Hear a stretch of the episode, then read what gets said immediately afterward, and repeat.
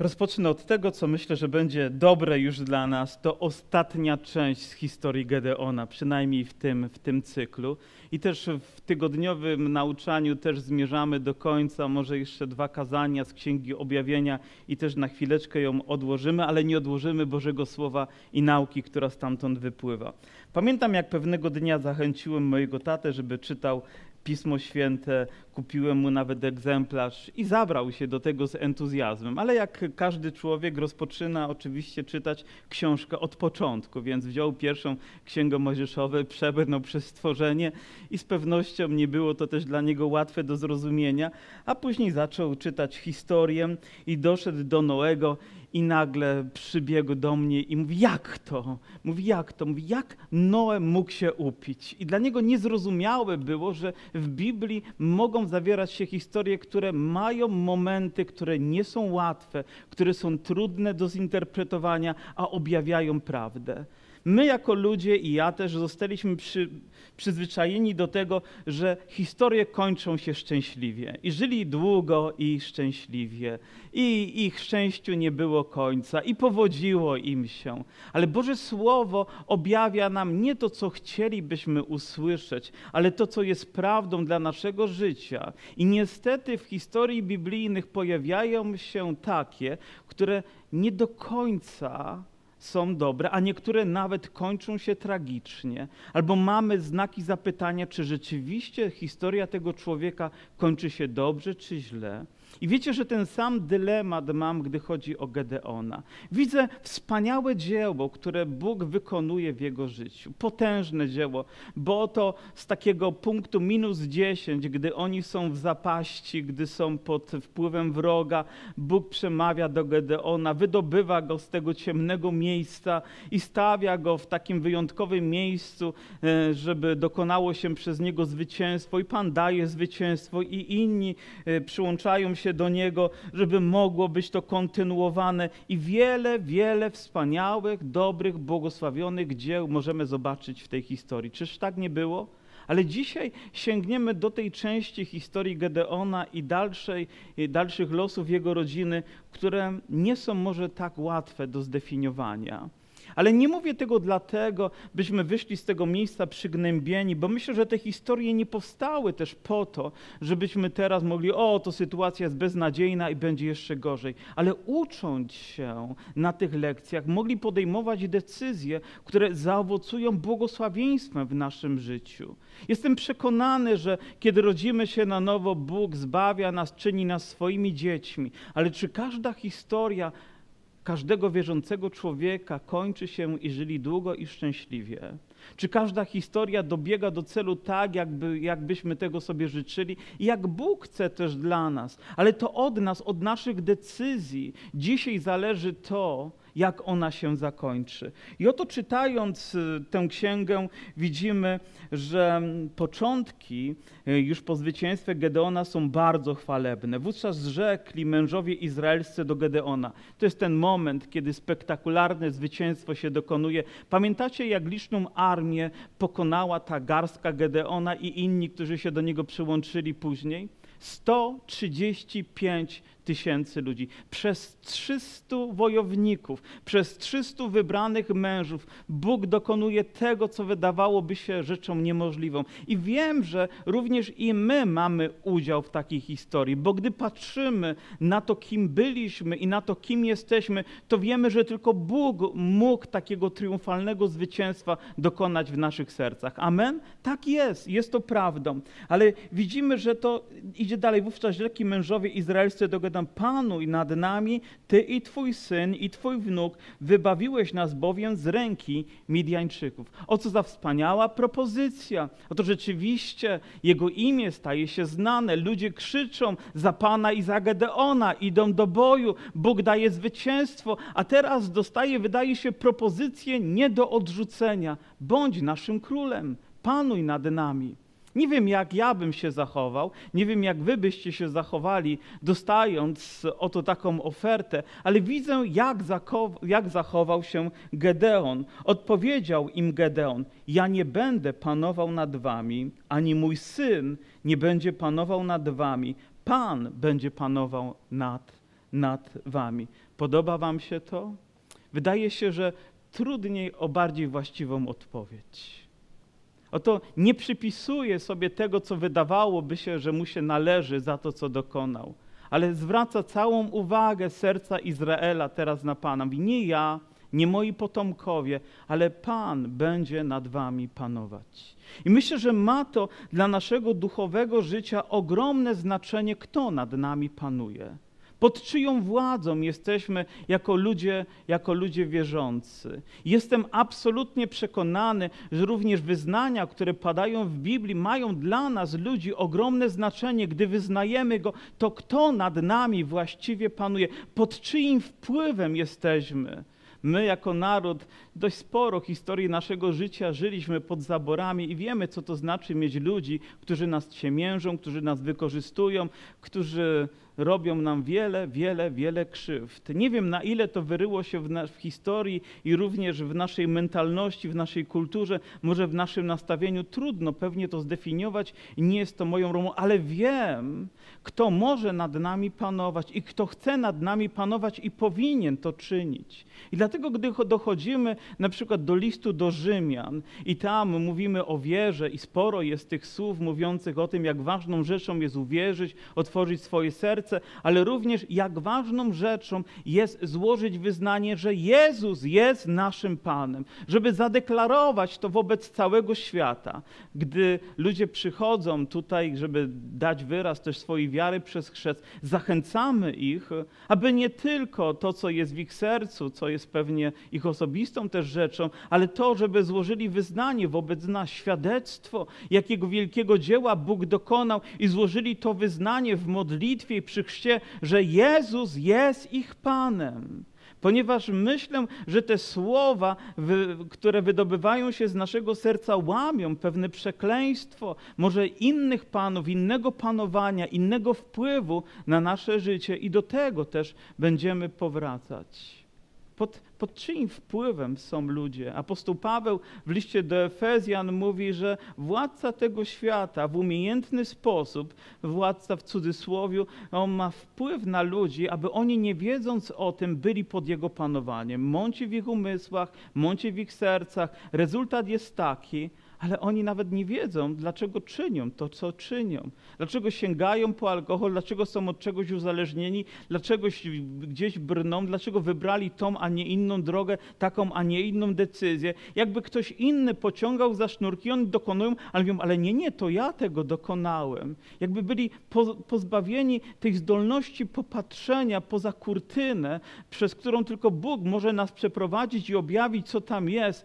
abyśmy mogli być wolni. Ja wierzę, że gdy rodzimy się, nasze życie należy na nowo, gdy rodzimy się, nasze życie należy do Boga i Bóg chce nad nami panować. On jest jedynym Panem Kościoła. On jest jedynym Panem naszego życia. On jest jedynym Panem, któremu należy się wszelka cześć i chwała. Ludzie mają zasługi, ale chwałę może mieć tylko Bóg.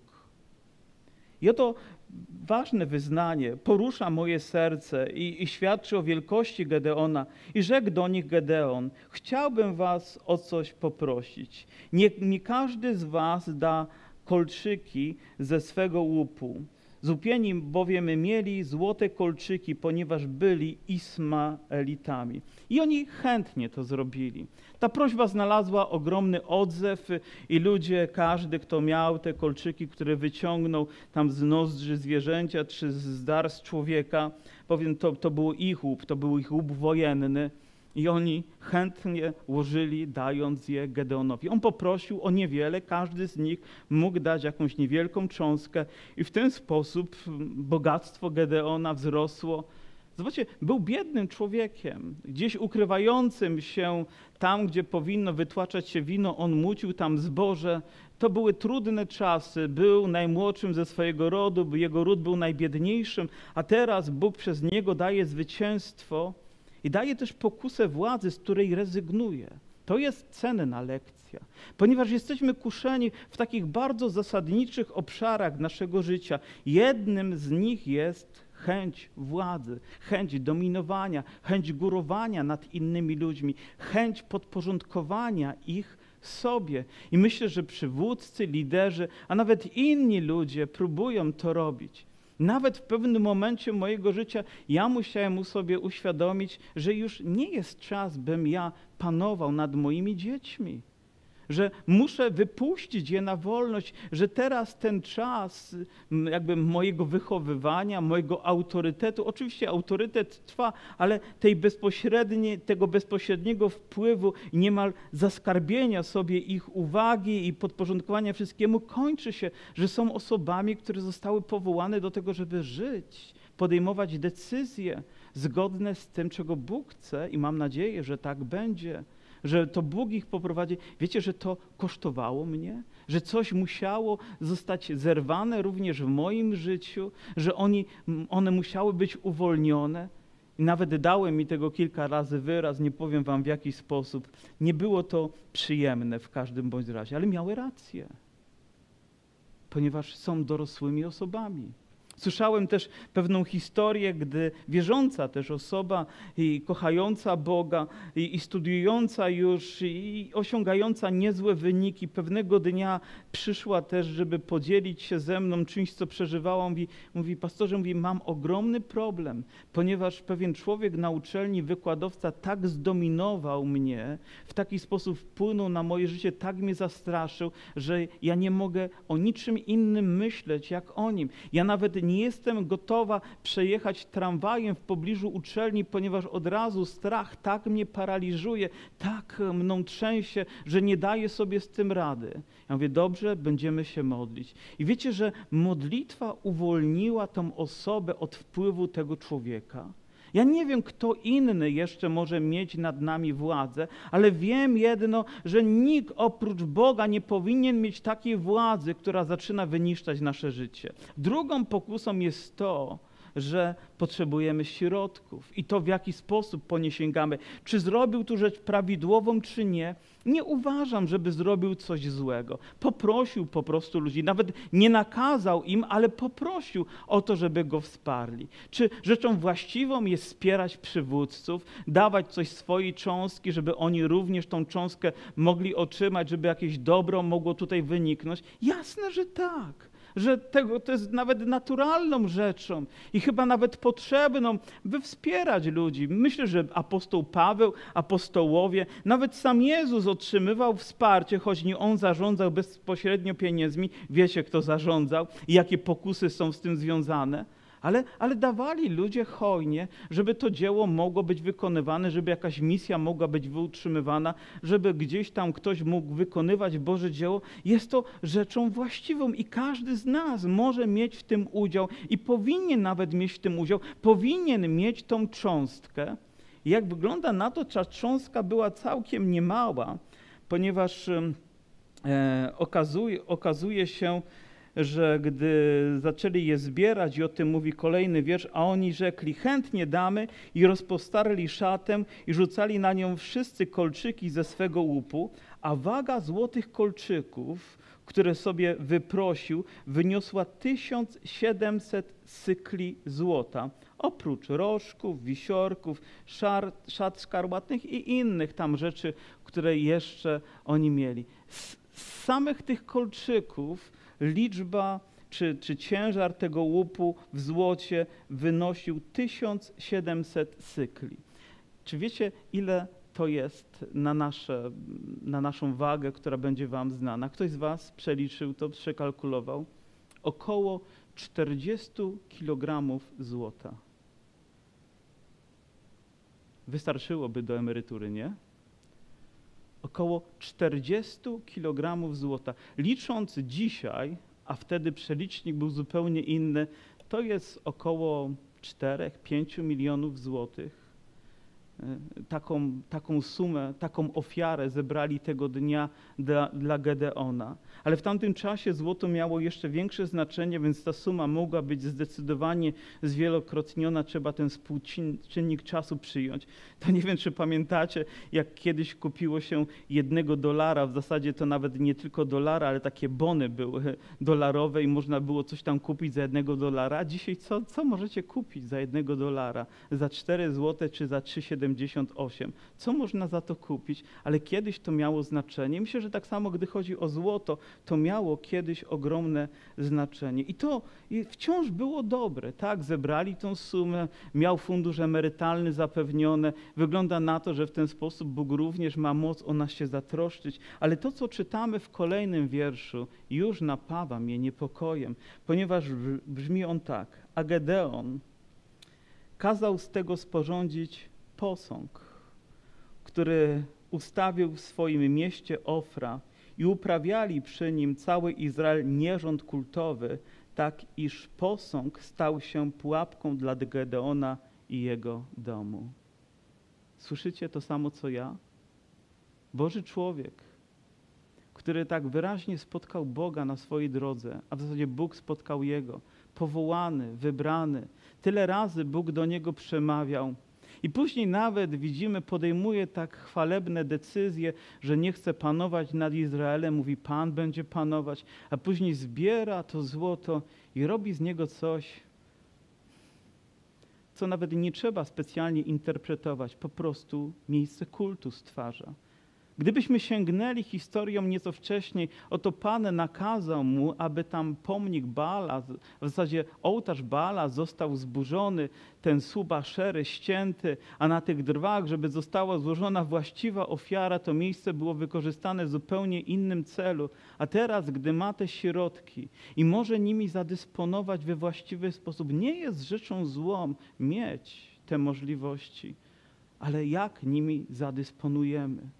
I myślę o tym i napawa mnie to trwogą, ponieważ można to użyć dwojako. Można użyć, aby Bóg był uwielbiony, abyśmy mieli radość, albo stworzyć coś, co stanie się pułapką, coś, co zostaniemy złapani. I widzicie, pułapka charakteryzuje się tym, że ona jest jakby zastawiona specjalnie na każdego, tak? Ona gdzieś tam czeka, aż nasza noga, nasza ręka, nasz język, nasze myśli tam wpadną, to się zaczaśnie. I również charakterystyczną rzeczą dla pułapki jest to, że sami nie jesteśmy w stanie się z niej uwolnić. Może ta myśl wciąż była, że jestem biedny, jestem biednym, potrzebuję, potrzebuję, a gdy już otrzymał, to jakby nie uniósł tego ciężaru odpowiedzialności i zaczął używać to dla siebie. Oto Bóg nas wyrwał. Oto nas uczynił zwycięzcami. Oto wiele wojen, wiele bitew wygraliśmy. I może stajemy również w takim momencie, oto ja już zacznę panować nad swoim życiem. Przejmę absolutnie kontrolę i będę robić to, co mi się podoba. Oto powstały nowe możliwości w moim życiu. Interes zaczął się um, dobrze rozkręcać. Coraz więcej środków pojawiło się na koncie, a więc mogę nimi zadysponować. Już nie, nawet nie muszę myśleć, myśleć o tym, że nie mam na chleb, nie mam na, na rachunki, ale mogę myśleć o tym, żeby coraz więcej i więcej inwestować w moim życiu. I wiecie, że i tutaj możemy znaleźć się w pułapce, że i tutaj diabeł może nas uchwycić i złapać tak mocno, że nie da nam możliwości później, ale będzie to wykorzystywał, niszcząc nasze życie, a przy tym jeszcze inni będą niszczeni, bo to nie tylko chodziło o niego, ale stworzył możliwość dla Izraela, aby oni uprawiali tam kult. Jakby zapomnieli o ostrzeżeniu, które było, gdy, Gede, gdy, przepraszam, gdy Mojżesz chodzi, schodził z góry z tablicami, z przykazaniami i zobaczył to, co uczynił Aaron. No, jakby ta lekcja została zapomniana, jakie konsekwencje poniósł Izrael i to samo wraca do jego domu. Potraficie to sobie wyobrazić? A więc widzimy trzy rzeczy, w których człowiek jest kuszony. Do tej pory dwie, trzecią zaraz wam objawy. Jedna to chęć władzy i panowania nad sobą. Dam sobie radę. Albo ktoś inny nad nami panuje, nawet nie zdajemy sobie z tego sprawy. A druga to finanse. O, ja wiem, jak nimi zarządzić, ja wiem, co z nimi zrobić. Ale to jeżeli robimy bez Bożego błogosławieństwa, może stać się kultem, może stać się związaniem dla nas, ogromną pułapką, z której sami się też nie wydobędziemy. Tylko Boża moc może nas również i z tego uwolnić. A i inni przy tym zaczynają cierpieć. Tak zostali Midianczycy upokorzeni przed Izraelitami i już nie podnieśli swojej głowy. Ziemia zaś zaznawała spokoju przez 40 lat za dni Gedeona. Więc dobre rzeczy też się działy, nie ma wątpliwości. Potem poszedł Jerubal, syn Jasza i osiadł w swoim domu. A więc wygląda na to, że tutaj mamy ten jeden zgrzyt, ta jedna rzecz, która napawa nas niepokojem. I dlatego budzi to moje wątpliwości. Czy ta historia kończy się dobrze, czy kończy się źle? Ale gdyby nawet tutaj się zatrzymała, byłaby jeszcze łatwiejsza do rozstrzygnięcia, ale niestety idzie ona dalej. I kolejne wiersze mówią tak: A Gedeon miał siedemdziesięciu własnych synów, gdyż miał wiele żon. No bo jak tu z jedną żoną byłoby mieć 70 synów? Oczywiście nie chcę się rozpędzać, to były inne czasy, inna kultura. Bracia, bracia, to nie jest przyzwolenie na to, że ma, możemy mieć wiele żon. Wiecie, Adam miał jedną żonę, wystarczyło. Biskupi mają mieć jedną żonę, to wystarczy. Amen. Takie jest Boże przykazanie. A więc miał wiele żon, ale to były wciąż jego żony. I miał z nimi wielu synów, bo było ich aż siedemdziesięciu. E, również e, jego nałożnica, przebywająca w Sychem, urodziła mu syna, temu nadał imię Abimelech. I oto pojawia się znowu kolejny wątek. Ale miał nałożnicę, ale miał, nie była jego żoną, była jego nałożnicą. Czy to jest przyzwolenie? Czy można tak postępować? Mieć żony jeszcze nałożnicę? Czy wielcy tak mogą postępować? Dla mnie żona to wciąż żona. Nawet jeżeli miał ich tam wiele, to wciąż były żony, a ta była nałożnicą. Miał z nią dziecko, miał z nią syna i na imię miał Abimelech. I tutaj rozpoczyna się kolejna część bardzo bolesnej, wręcz traumatycznej historii. Ponieważ Abimelech, nie wiem jakby to powiedzieć, wyróżniał się chodził trochę swoimi drogami. Mam wrażenie, że tamtych 70 było bardziej zintegrowanych, a on jeden jakby odstawał. O, to jest, musi być bolesne, być takim odtrąconym albo nazwanym nieco bardziej brutalnie. Może ktoś nawet rozpędził się i powiedział, przepraszam za ty bękarcie. Mogło tak być. Tak? Coś spowodowało, że pomiędzy jego przyrodnimi braćmi, a nim nie było, nie było spójności. I wiecie, jaka jest kolejna rzecz, która jest największym zagrożeniem dla ludzi wierzących? Seksualność, seks, nasza moralność. A więc mamy trzy: władzę. Jak, jak w podręczniku, jeżeli będzie jakikolwiek czytać, to właśnie te trzy rzeczy będą się pojawiać niezmiennie: władzę, pieniądze i. O, znacie to słowo seks. A więc miał, miał tego syna, nie wiem czy chciał mieć, ale miał tego syna, był jego synem. I oto, gdy Gedeon umarł, jego synowie oczywiście nie, nie próbowali przejmować władzy, ale inaczej było z Abimelechem. On postanowił inaczej postąpić. Nieco muszę skracać tę historię, ponieważ ona się ciągnie dalej, ale pozwólcie, że że streszczę ją kilkoma słowami. Wiemy, że pewnego dnia zrobił rzecz straszną. Poszedł do Sychem, do ludzi, aby ich pozyskać. Wygląda na to, że miał pewien dar przekonywania. Jego mowa dotknęła ich i nawet dali mu ze skarbca Baala, Beri, który tam, którego kult tam się wyprawiał. Gdzie? W Sychem? Kult Baala? Czy zdajecie sobie sprawę, jak ważne było to miasto? Ile tam Bożych rzeczy mogło się wydarzyć wcześniej w historii? Czyż tam nie dotarł Abraham? Czyż tam nie dotarł Jakub? Czyż tam nie zostały złożone kości Józefa? Czyż tam nie, Jozue nie zawierał dwukrotnie przymierza z Panem, z, z Izraelem? Czyż nie jest to ważne miejsce? I tam jest kult Bala Beri i z tego skarbca dano mu pieniądze, a on za te pieniądze wynajął sobie ludzi, którzy byli określeni tak lekkomyślnych i zuchwałych. Jakże ogromna różnica pomiędzy tym, jak wybierał jego ojciec. Ojciec wybierał ludzi powołanych, można powiedzieć uświęconych, a on wybrał takich oprychów niemal, którzy byli gotowi z nim pójść i zrobić krzywdę. I rozpoczęła się od domu Gedeona, ponieważ zabił swoich braci.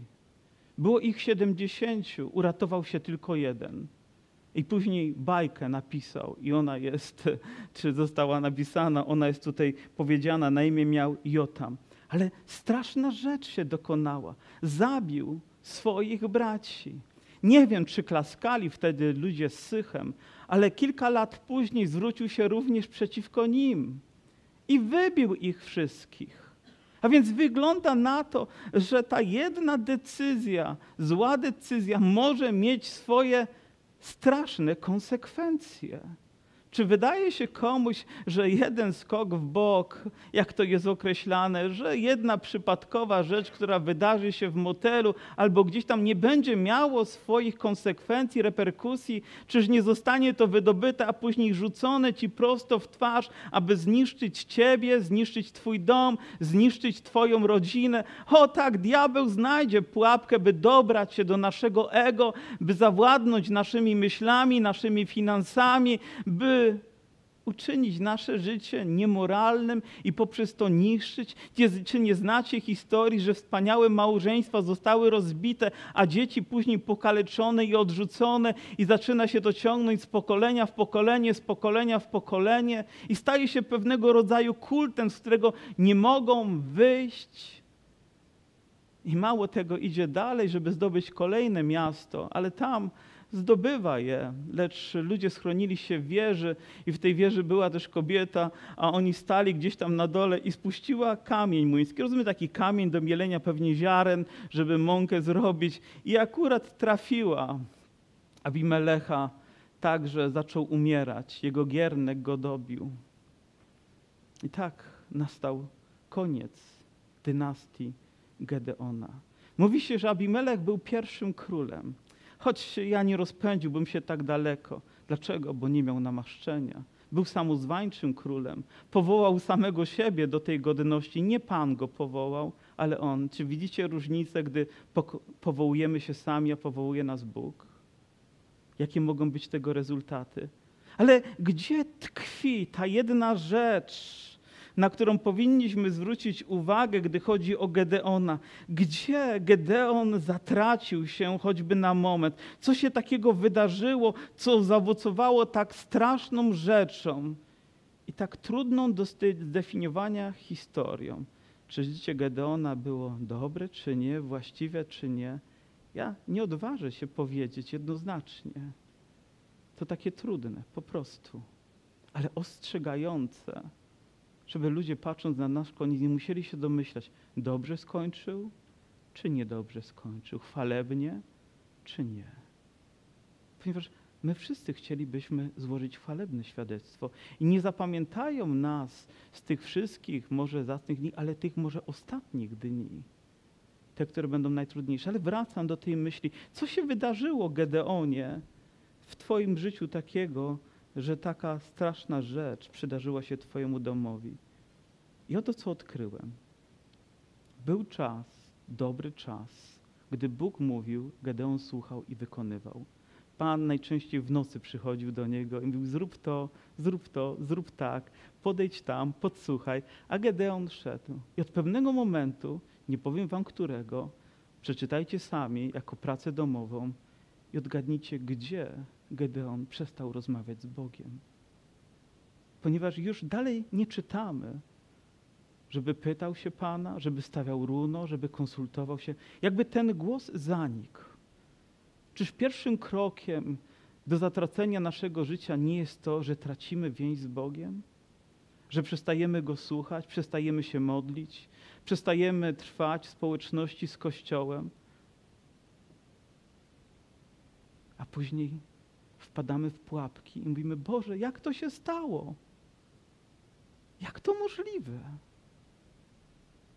Jak to możliwe, że pastor tysięcznego kościoła zostawia żonę i dzieci i idzie z kochanką w świat?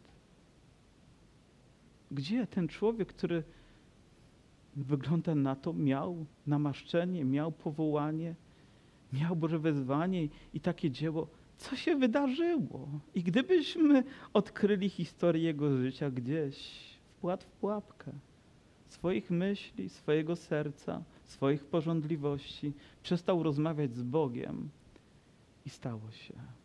I stało się. Widzicie, w Nowym Testamencie również widzimy historie, które nie kończą się tak, jak nam się by spodobało. Czy Ananiasz i Safira skończyli dobrze? Czy jeden z uczniów pańskich skończył dobrze? Mówię o apostołów. Czy inni, o których Paweł mówi, że stali się rozbitkami w wierze, skończyli dobrze? Co do niektórych mamy ogromne wątpliwości. Nawet nie wiemy, jak ten Szymon Czarnoksiężnik, czy skończył dobrze, czy nie, jakby historia zawisła, bo też za pieniądze chciał sobie coś kupić.